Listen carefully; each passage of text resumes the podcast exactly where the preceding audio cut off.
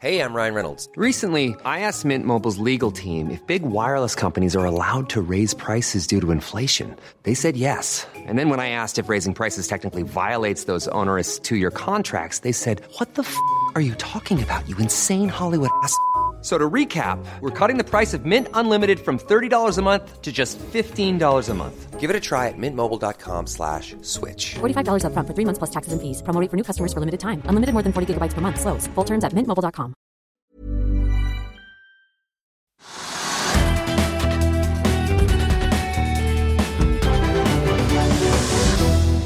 Velkommen til Økonominyhetene. Det er blitt fredag 1. mars, og da skal vi også offisielt sett være ferdig med vinteren.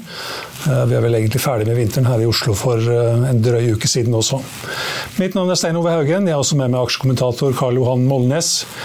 Onsdag kåret Kapitalen Norges beste advokater i hele 26 fagkategorier, og vi har med oss eh, de beste på offshore og oljeservice. Partner i Sens Lars Berge Andersen og partner Gry Bratvold i Kvale. Men først litt om utviklingen i markedene. Vi må begynne med prisene på brukte boliger i Oslo, som steg med 1,6% i februar, som var litt lavere enn snittet for de siste ti årene.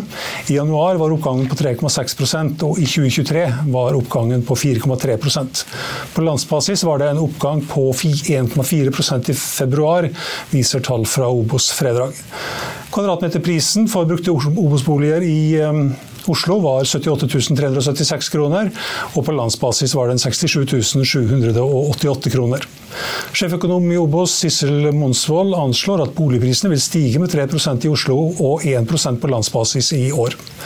Eiendom Norge legger fram boligprisene for februar kommende tirsdag, og i januar steg jo boligprisene som kjent med 3,4% sesongjustert var oppgangen på 0,7 Hovedindeksen på Oslo Børs den er opp over 1% nå, til 1278,89. Og eh, vi kan ta med hvordan utviklingen er altså på børsene i eh, Europa. Her er det også oppgang over hele linja, i hvert fall på de viktigste børsene. I London er det opp 0,6 eh, opp 0,5% i Frankfurt. I Paris er det flatt. I Milano er det opp 1,2% I Madrid opp 1% og da er også Stox 600 opp 0,4% Futures eh, på børsene i New York eh, indikerer at eh, det ligger an til å åpne flatt på Nasdaq, opp 0,03% Også flatt for SMP 500, ned 0,09% i øyeblikket. For Dow Jones ligger an til at den kommer til å åpne ned 0,2 til 38 976. Vi kan også ta med at i Tokyo så steg Nikkei-indeksen til 39 910 i dag, snuste på 40 000. Og da må vi tilbake til desember 1989 for å finne Nikkei-indeksen på de nivåene litt under, da.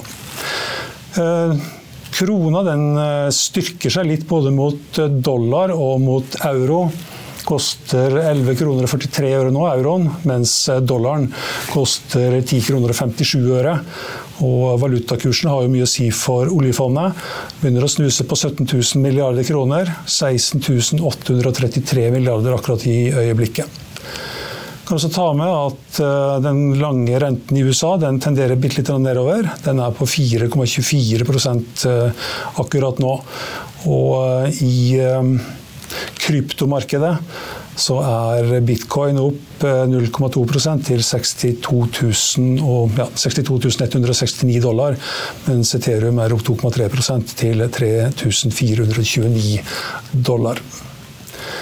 Et Atlantic Sapphire og Norcod tapper, topper taperlisten sammen med SAS Karl Johan. Og et, i hvert fall på Norcod og Atlantic Sandfire så har vi en forklaring.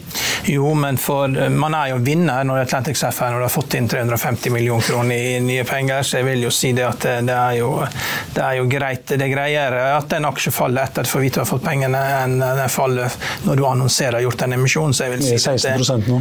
Ja, men det er en seiersdag likevel for Atlantic Sapphire. Det betyr jo, altså har Nordlagt seg inn og ser på dette, her, og de har jo brukt god tid nå. Det betyr jo at de tror på at her er det mulig å tjene penger. og Så lenge det, du har inne eksperter som, på rasteknologi som er villige til å putte nye, friske penger inn i dette, her, så skal bare alle være glad. Så det kan lykkes på et eller annet tidspunkt? da? Ja, Det er jo helt tydelig at de mener det. De, de, de kaster jo ikke vekk penger. Det er jo ikke de interessert i. De har gjort det hittil, kanskje? Ja, men det er jo en investering. Det, det er jo tydelig at de ser et eller annet. da. Og igjen, altså Miami er en kul by, men det er ikke så kult at du, du svirer hundrevis av millioner kroner for å være med på noe som du ikke tror på. Det går ikke. Det, det, sånn er ikke verden. Det er noe som heter kaste gode penger etter dårlige. Ja, men Dette er litt annerledes, for her er de veldig nær. Det er de sjøl som styrer dette. De har tatt over en anlegg. Det er de sjøl. De er helt nær. Det er klart Hvis du sitter langt unna og du ikke vet hva som foregår, så kan du kaste gode penger etter, etter dårlige. Men de er jo helt nær. Det er jo de sjøl som styrer. Og, og da må, du må man, Sånn er verden. altså. Det, det, man må ha respekt for de som investerer. Det, så dette her er, det er ikke håpløst. Men det er klart det er, det er en kostnad. Det er, det, er, varmere å drive i Miami, men det er ikke 50 varmegrader i Miami. Det er, er 28-30. Det er varmere, og, og, det er dyrere, men så sparer du frakt. da. Du sparer liksom 20 kroner kiloen i frakt. og Hvis du da klarer å få stor nok fisk, du klarer å lykkes, som det virker som at de tror de lykkes, ellers hadde ikke de investert, så må vi bare håpe det at de lykkes. Og så får vi håpe regnestykket går opp. Men det er et regnestykke på kostnad på å kjøle dette ned. Og Nesten alle som har vært der borte, sier dette ikke går. og det er klart det er jo det er ikke noe hyggelig å høre det for de som driver og investerer, men er eksperter i rasteknologi. altså Norlex har jo et lignende anlegg i Nord-Norge. og Man må bare respektere det at de driver og fortsetter å investere. og Helt til de gir opp, så er det håp. Er det håp i SAS?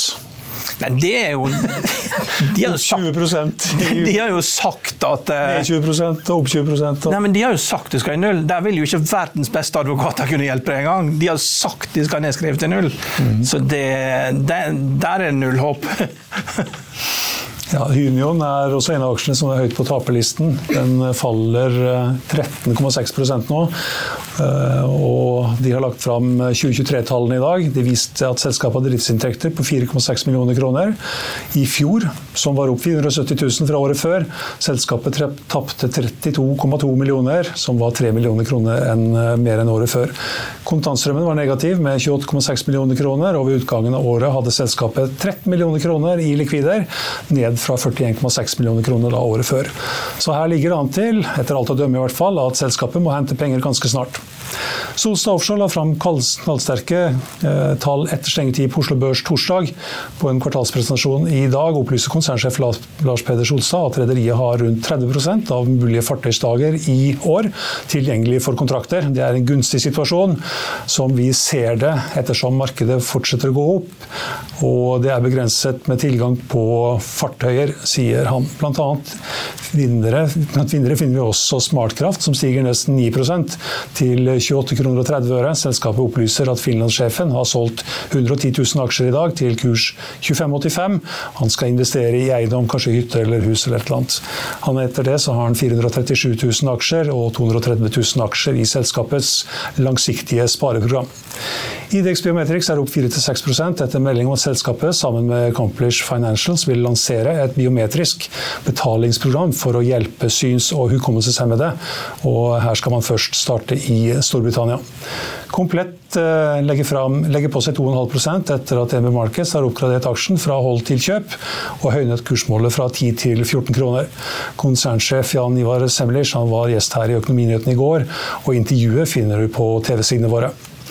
Avanse Gass går tilbake over 3% etter at SEB har nedgradert fra kjøp til hold og senket kursmålet fra ja, 200 til 120 kroner. Og der er aksjen akkurat nå. 112, 120 kroner.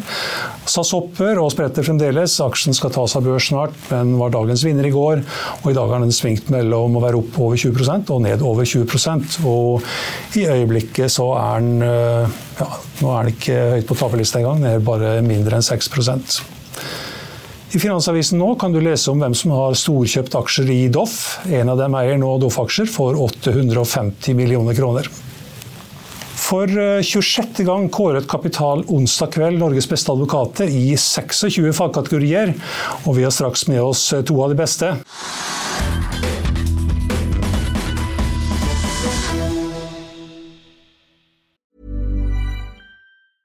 Hey, I'm Ryan Reynolds. Recently, I asked Mint Mobile's legal team if big wireless companies are allowed to raise prices due to inflation. They said yes. And then when I asked if raising prices technically violates those onerous two year contracts, they said, What the f are you talking about, you insane Hollywood ass? So to recap, we're cutting the price of Mint Unlimited from $30 a month to just $15 a month. Give it a try at mintmobile.com slash switch. $45 up front for three months plus taxes and fees. Promo for new customers for limited time. Unlimited more than 40 gigabytes per month. Slows. Full terms at mintmobile.com. I'll see you in court. Vi sier det ofte litt på spøk, men for deg som driver business, er det aldri moro å innse at du ikke har laget en 100 gyldig kontrakt. Du bør ikke risikere hele firmaet ditt fordi du synes dette med kontrakter er litt stress. En avtale er ikke en avtale. Du kan miste kunder, miste venner, ja, til og med miste inntekter om du ikke lager en skikkelig kontrakt, på alt mulig, egentlig. Men vi vet det er et styr. Kopimaskiner, tregprinter og haugevis av papir. Dessuten stoler vi jo på folk her i landet. Det er ofte litt kleint å skulle be om en signatur for alt mulig, ja, for mye av styret handler også om jakten på underskriften. Det finnes en enkel måte å løse dette på, Dukkobit, en trygg, effektiv og get this, gratis måte å sikre seg en god natts søvn pluss en juridisk bindende avtale. Dukkobit-appen har de strengeste sikkerhetskrav i bunn, samt en EU-godkjent og sertifisert teknologi. Framover vil det bli behagelig å spørre du, skal vi skrive under på det, eller? Kom i gang på dokobit.no.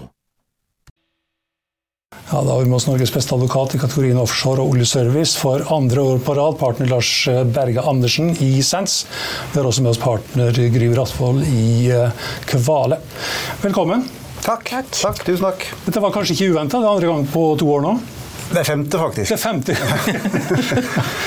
jo, men det er alltid spennende. Det er jo alltid like hyggelig. Og alltid, dette, dette, er eh, noe som fluktuerer fra år til år eh, ganske mye. Eh, så vidt jeg kan se på de samlede listene. Så det, jeg si det er like gøy hver gang. Det krever jo mye arbeid og hardt arbeid over lang tid å komme dit dere er, begge to egentlig. Men hva var det som gjorde at Ja, hvordan har du kommet hit? Ikke hit, men Nei, ikke hit. Ikke, ikke, til Hegna Media. Nei, det, det, det er mye tilfeldigheter. Eh, jeg startet karrieren min eh, med, med, sjørett, altså shipping, eh, i Vik på Grein i sin tid. Det brakte meg til London, hvor jeg jobbet en periode, og det brakte meg fire år til Kina. Så jeg drev kontoret sitt der. Det var i den perioden hvor det var ekstrem byggeaktivitet i, i Kina, på, på yardene der nede. Først og fremst skip, men så kom også rigg den siste riggboomen. Uh, når jeg kom hjem derfra, så uh, gikk jeg inn i Aker Solutions, uh, i Aker-konsernet, og fikk en ordentlig smak på hva skal si for noe, på, på, på oljeservice, offshore, eh, leverandørindustrien i Norge, egentlig. Eh, som jo en, for meg står som en Det er veldig gøy å jobbe med. En fantastisk industri. En ekte norsk eh, suksesshistorie. En ting er på en måte olja som vi pumper opp av bakken. Eh, det lever vi alle av. Men jeg syns det er nesten enda mer interessant med den, den eh, veksten i Industri-Norge rundt det som nå også går fra olje og de går over i eh, fornybar. En del av de er på fisketeknologi. Det er jo den norske ingeniørvitenskapen her som er helt i verdensklasse. Og det er veldig morsomt for en jurist å jobbe med folk som faktisk lager noe. Like morsom nå som for hvor mange år siden? Eh, jo, ja, det begynner å bli noen år siden. Men eh, jeg syns det bare blir gøyere og gøyere. Nå hadde jo alt innen denne sektoren en liten sånn slump i noen år. Eh, men det døde aldri. Eh, og da søkte det jo andre steder i verden hvor det var aktivitet fremdeles. Og så har de siste par årene vært eh, helt fantastiske eh, for den industrien her. Og det ser jo ut bank i bordet som, som om det ruller og går videre. Så det er veldig gøy å være med på mye positivitet. Mm. Gry, du jobber i samme sektor, fagkategori? Ja, vi begynte faktisk eh, samme sted også. Ja. I shippingavdelingen til Vik på Rein en gang for kanskje snart 20 år siden for min del. Da. Ja, det mener jeg, jeg. Litt mer for deg. ja. er det, er, kommer dere fra advokatfamilier, eller er det helt tilfeldig? Helt tilfeldig, for min del. Ingen advokater. Økonom eller jurist, hva skal jeg bli? Er det, var det der, eller? Eh, nei, for min del så hadde jeg vel egentlig en, eh, først en plan om å bli eh, kokk. Så, så skuespiller. Jeg drev med mye amatørskuespill da jeg var i, i tenårene. Eh, og så skulle jeg bli ambassadør, helt til jeg skjønte at det var en langdryg affære. Og så ble det juss, da. Og, og advokatvirksomhet. Mm. Og for deg? Var det kokk for deg òg, eller? Nei, jeg var nok ikke inne på å tenke på kokk, men jeg lurte litt på journalist. Det, det lurte jeg litt på. Eh, men det var nok advokat ganske tidlig, ja. Mm. Som jeg ønsket å bli. Jeg lærte, jeg lærte jo det på når jeg gikk på NHH, at det var shipping Man har veldig lange tradisjoner. slik at når man skal kjøpe en, et skip eller en skal bygge en båt, så ligger det veldig mye lover og regler på plass eh, som gjør at det er mye enklere å bli enig om en transaksjon enn det er hvis du f.eks. bygger en suppefabrikk et eller annet sted eh, der du må begynne på nytt. Så det, Har man da klart å ta dette videre til riggmarkedet også, slik at man har flytta alle disse standardprosedyrene til rigg også, når riggene kom? Ja, delvis, vil jeg si. Men det, det er klart shipping har, har en mye lengre historie. Og det er veldig mye internasjonalt samarbeid innen shipping. altså På konvensjonsnivå, og sånn at det skal være lik tenking i alle land. og eh, Veldig mye som er likt over hele verden. Innen eh, rigg så har det eh, Det finnes selvfølgelig standard og utarbeida standardavtaleverk og sånne ting, men det er jo i og for seg frivillig, frivillig å bruke det, da. Og du kan si jo lenger du kommer ut av Norge For jeg, mesteparten av det jeg gjør, er faktisk utenfor Norge. Så er jo disse standardene helt uaktuelle. Da går det på, på, mer på hjemmelagd, altså. Så det, det er litt forskjellig. Ja. Men ESG er felles for hele verden, og hvis det nå skal bygges nye rigger, er det ikke sånn at oljeselskapene nesten blir nødt til å gjøre dette sjøl? Fordi andre selskaper vil ikke få finansiering til å bygge nye rigger? Eh, jo, det kan, du, det kan, du, godt si, men eh, det er nok ikke, det er, det er ikke Oljeselskapene bygger jo ikke noe særlig selv lenger. De har ikke gjort det, men Nei, det kan hende de blir tvunget til det? Kan hende. Ja. Eh, slik var det jo før, ja. en gang i tida, sånn når det begynte. Men så ble jo alt outsourca eh, fra disse oljeselskapene. De, de, bygger ikke selv, de eier ikke selv, de har ikke manning selv til en viss grad. Så, så det, det, er blitt et helt annet bilde, altså. Equinor tok vel noen rigger fra Avilco for et par år siden, gjorde de ikke det? Jo, det finnes jo unntak. Det ja. unntak, Men uh, tilbake, i forhold til å gå tilbake til 70-tallet, uh, så var det jo oljeselskapene som drev og eide og bemanna og gjorde alt selv. da. Uh, sånn er det nok ikke lenger. Hva er det dere bruker mest tid på, Gry, liksom innenfor det her store feltet? Ja, Det har nok vært en ganske sterk dreining mot fornybar. Det er jo litt som Lars nevnte også, at det er ingeniørkunst som brer seg om til nye områder. Vi har en veldig god kraftavdeling i Kvale, så jeg har godt samarbeid med å få Det er jo ganske mye som skal elektrifiseres, men kraft må jo produseres fra om det er elektrifisering av en plattform, eller om det er andre typer vindkraft. Vi har vært involvert i flytende vindkraft, hatt noen pilotprosjekter der. Så det har, det har opptatt mest av min tid de siste årene. Og Der er det sikkert litt å gjøre fremover òg? Det blir, ja. blir ikke arbeidsledig der? Nei, det ser ikke sånn ut. Eh, og det er jo veldig spennende. Det er vel kanskje der også bransjen står mest i, i kryss. Altså verden trenger energi. Eh, det er vel ikke noe tvil om at Europa trenger mer gass. Nå som vi ikke kan kjøpe gass fra Russland lenger. Eh, og den energien må komme fra et sted. Så ja, det vil nok komme ganske mye. Og det er mange som ser på nye muligheter, selvfølgelig også på utslippsreduksjon av olje- og gassvirksomhet, men også på om det er nye, nye former for energi. Lars sier at han jobber mye mot utlandet. Er det mest utlandet for deg i år, eller er det en god kombinasjon? Det er en kombinasjon, men det er nok en overvekt av utenlandske klienter. Enten utenlandske klienter som har prosjekter i, i Norge, men også utenlandske prosjekter i utlandet. Så det er, det er nok primært i utlandet, ja. Staten er jo en veldig stor dominerende aktør i, Norge, og det er jo stadig mer midler som går gjennom staten. Jeg ser Han som vant årets case her, han har seira over Nav, han saksøkte staten og vant. og meg bekjent er det sånn I USA så har ikke lov å saksøke staten. Jeg, eh, jeg, tror du det kommer til å skje i Norge også, at eh, staten blir så stor og arrogant at du ikke får lov å saksøke de lenger? Eh, nei, jeg tror ikke det. Eh, det tror jeg ville henge langt inne i et samfunn som det norske. Det ville vært veldig unorsk. Vi har den checks and balance-mentaliteten i Norge som er veldig viktig, tror jeg, og som også kanskje er noe av grunnen til at Norge som sådan eh, har lykkes.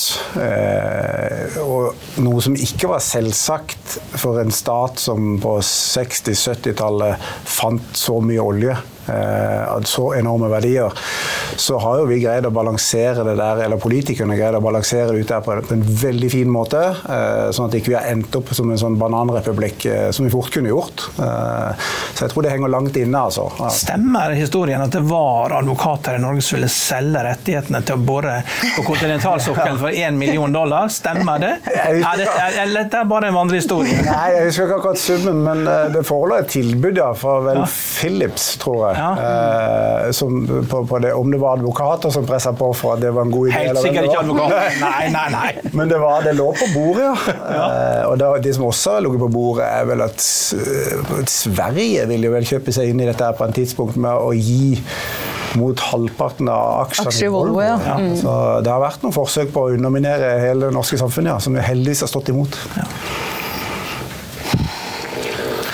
Ja. Hvor mye koster det å leie en eh, ekspert, Norges beste advokat?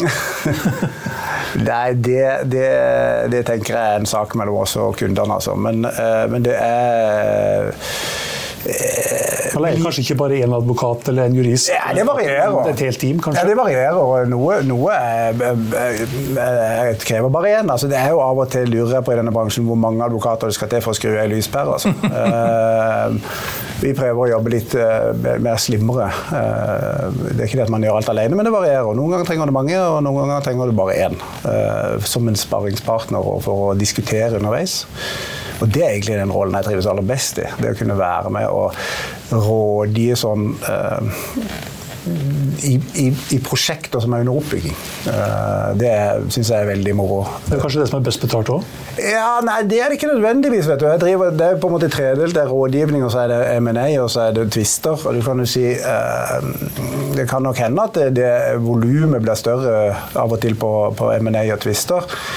Og det er ikke det at det ikke er moro, eh, men eh, det er noe med å sitte og få lov til å bli lytta til, også på noe utover det juridiske. Da. Eh, Jeg var så heldig jeg fikk sitte i, i ledelsen på et av Aker-selskapene som heter Emovirt. Det heter vel HMH nå, Eida eid av Castor. Som med en rolle også langt utover det juridiske. Så jeg fikk liksom delta i, i beslutningene som ble tatt, og det var må jeg si, noen år som var veldig interessante. Da lærer du mye. Når du er ute du internasjonalt, så blir det jo en del middager med andre advokater. Og Min erfaring med sånne middager er at det, det går ikke så lang tid før de begynner å vise bilder av hvordan de bor og hvilke fly de har. og sånn. Tenker du på M&A nå, eller? Ja, alt mulig. Det er liksom double, day, I mean double dip leasing og alt dette her. Og, vi så, og jeg tenker at det fins det noe yrke eh, som er hvor det, hvor det er liksom større forskjell mellom lønningen i Norge og i utlandet enn advokater. Altså, dere er jo virkelig underbetalte i forhold til kollegaene i utlandet. Ja, det kan du godt si, altså. Eh, De har nok drevet det langt eh, lenger, eh, kanskje spesielt i USA, da. Men jeg tror nok det er ganske store variasjoner der òg. Akkurat som det er i Norge. Vi har jo denne prisdiskusjonen nå som har blitt med et kjøtt som har blitt dratt litt gjennom. Dere må jo vekk fra disse timelønningene. Ja, ja, det kan du si. På andre siden så er det ikke den dårligste forretningsmodellen heller. Når man an på øynene som ser. Men, men, det kommer, men det er også i Norge er det der et variert bilde. Det er jo ikke sånn at alle i Norge som bruker en advokat, betaler 8000-9000 kroner timen, eller hva, hva disse kjøtt tok. Det- Spekteret er stort. Eh, Vi skal ikke glemme alle de som sitter og jobber for kanskje privatpersoner uh, som, eh, som opererer på helt andre timepriser enn dette her. Vi har vært gjennom en periode med mange restruktureringer, i hvert fall innenfor den sektoren her. Forandrer det seg nå? Er det en ny type problemstillinger som kommer, eller kommer det til å fortsette å være det samme en periode til? Hmm, ja Det er litt vanskelig å si, syns jeg. Havvind, kommer det noe, der kommer det sikkert noe restrukturering og noe greier etter Det kan jo tenkes. Det er jo veldig krevende. Det er jo utsatt for så mange makroøkonomiske forhold som gjør det så ustabilt. Eh, Og ikke minst så er det jo litt dessverre sånn med vindkraft også, at eh, når det er mye av vind, så går jo prisen ganske ned. Så det kommer jo litt an på hvilke kontrakter de kommer på. Så ja, vi får se. kommer litt an på finansieringssituasjonen. og Det er jo klart det er mange som har fremdeles dytta den snøballen litt foran seg. Eh, greid restrukturering, altså fått en pustepause i en to-tre år til, men du har jo noen covenants noen låneavtaler og en betalingsfrist. Så det, det vil nok komme igjen. Men bransjen nå er jo jeg håper å si Nesten alt innen denne sektoren her er jo, er jo nå mye sunnere eh, enn det har vært på lenge. Det er høy aktivitet. Det, investeringstakten er komfortabel, eh, virker det som. Eh, og da skal det eh, Det går an å tjene penger, da. eh, som kanskje er en bedre måte å finansiere på enn å bare låne. Eh, Så jeg tror kanskje de største er over. Men jeg tror kanskje vi kommer til å se litt mer på konsolidering. Eh, Så kan jo, det er en form for restrukturering, det òg.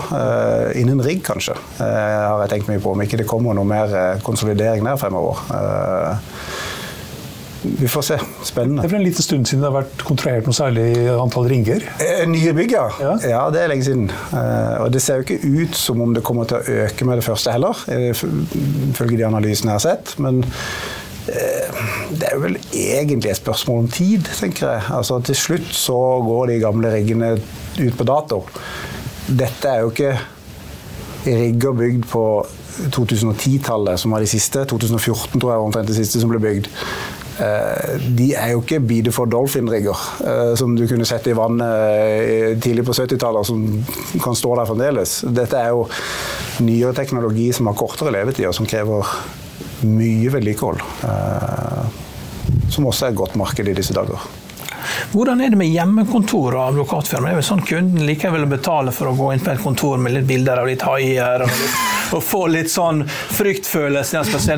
Så kontoret vil jo alltid være der, men det vil jo, når man har småbarn og sånt, må være veldig greit å ha en lang periode med hjemmekontor, og så kan man heller komme tilbake enn barna blir eldre og jobbe. Altså, det, det må jo kunne gå an å lage fleksibilitet etter hvor man er i livsfasen, ikke sant? Absolutt. Ja, og, og det gjør dere, ikke sant? Folk- Absolutt. Ja. Som alle andre bransjer så, så, har det, eh, så, så opererer vi på den måten. Fleksibiliteten har jo selvfølgelig blitt mye Jeg tror han alltid har vært der. Det er fleksibelt yrke, men det er klart at det kom mer i fokus med covid. Eh, og da, eh, det har fortsatt.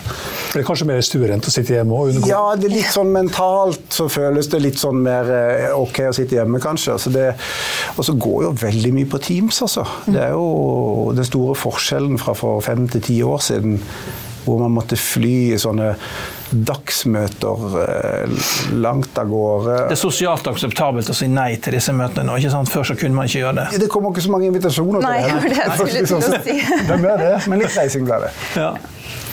Men vi tilbyr jo fleksibilitet, eh, selvfølgelig. Men vi ser jo at de fleste vil jo inn på kontoret. Men det er ganske mange av de klientmøtene. Jeg tror ikke det er så mange som syns det er så stas å komme inn på advokatkontorene. De syns det er veldig praktisk å ta det på Teams.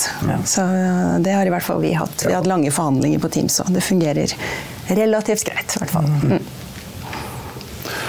Litt vanskelig å ha sånne workouts. da. Ikke det, ikke det man bruker å ha, at man kjører opp varmen og sånn, sånn at folk liksom får, får sånn saddlebags på skjorten, at eh, svetten kryper så over, så klapper man idet man ser at uh, svetten går uh, og møter Dette er jo fra en sånn uh, bok av han uh, Tom Wolff. Han hadde jo dette her i eh, en av sine bøker da, med workout. Det bare skru opp varmen til at saddlebagsene møtes i Atlanta. Vi må spørre disse her advokatene våre om, hvilke, om, de, om de har noen favorittserier på Netflix. Ja, ja har dere advokatserier? men vi har testa litt. Det var tydelig at de, de har ikke tid til det. De har ikke tid til å se Netflix, da skal de fakturere timer. Nei. Det, det finnes jo mange gamle, gamle gode, Ja. men eh, som begynner å bli litt gamle. da. Jeg vokste opp med LA Law i sin tid. Ja. eh, og eh, Jeg vet ikke hvor mye det har influert yrkesvalget, men det var jo veldig fascinerende Ja. på slutten av 80-tallet. Og Eh, nå husker jeg nesten ikke hva det neste heter, men eh, det var en periode jeg fulgte med så veldig mye sånne. Det har blitt mindre det siste, men eh, sånne gode advokatfilmer det syns jeg er fint å plukke opp. Altså. Så Bjørn Henning Grandal, som har byline på, et av, på Kapital Juss, han anbefalte Lincoln Lawyer. Da. Og den, Lincoln den ser jeg på nå, og kona, og jeg og kona syns det er veldig, veldig interessant å se på. Så det, vi er fornøyd med den. Advokatserie. Det er gråsoner. vet du, Advokaten er jo alltid i gråsoner. Det er jo, Jeg skal rekruttere spioner, så det alltid hva- det går de alltid til advokatene, vet du, for de vet å blende inn og vet liksom, være litt akkurat passelig forsiktig og ikke stikke seg fram for mye. Det er litt for lite av det i Norge, altså. Ja.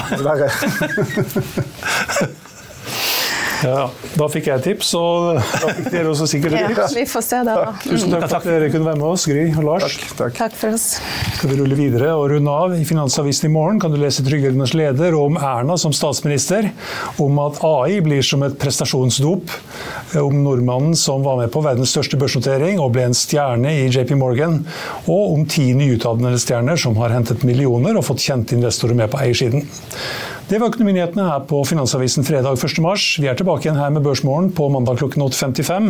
Og husk også at vi har økonominyhetene klokken 14.30. De siste nyhetene innen økonomi, børs og finans finner du minutt for minutt på finansavisen.no. Mitt navn er Stein Ove Haugen. Tusen takk for at du så på og hørte på, og håper du er med oss igjen i over helgen også.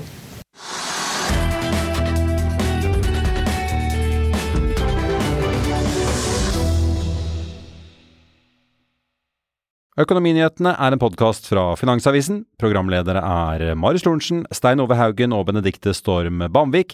Produsenter er Lars Brenden Skram og Bashar Johar. Og ansvarlig redaktør er Trygve Hegnar.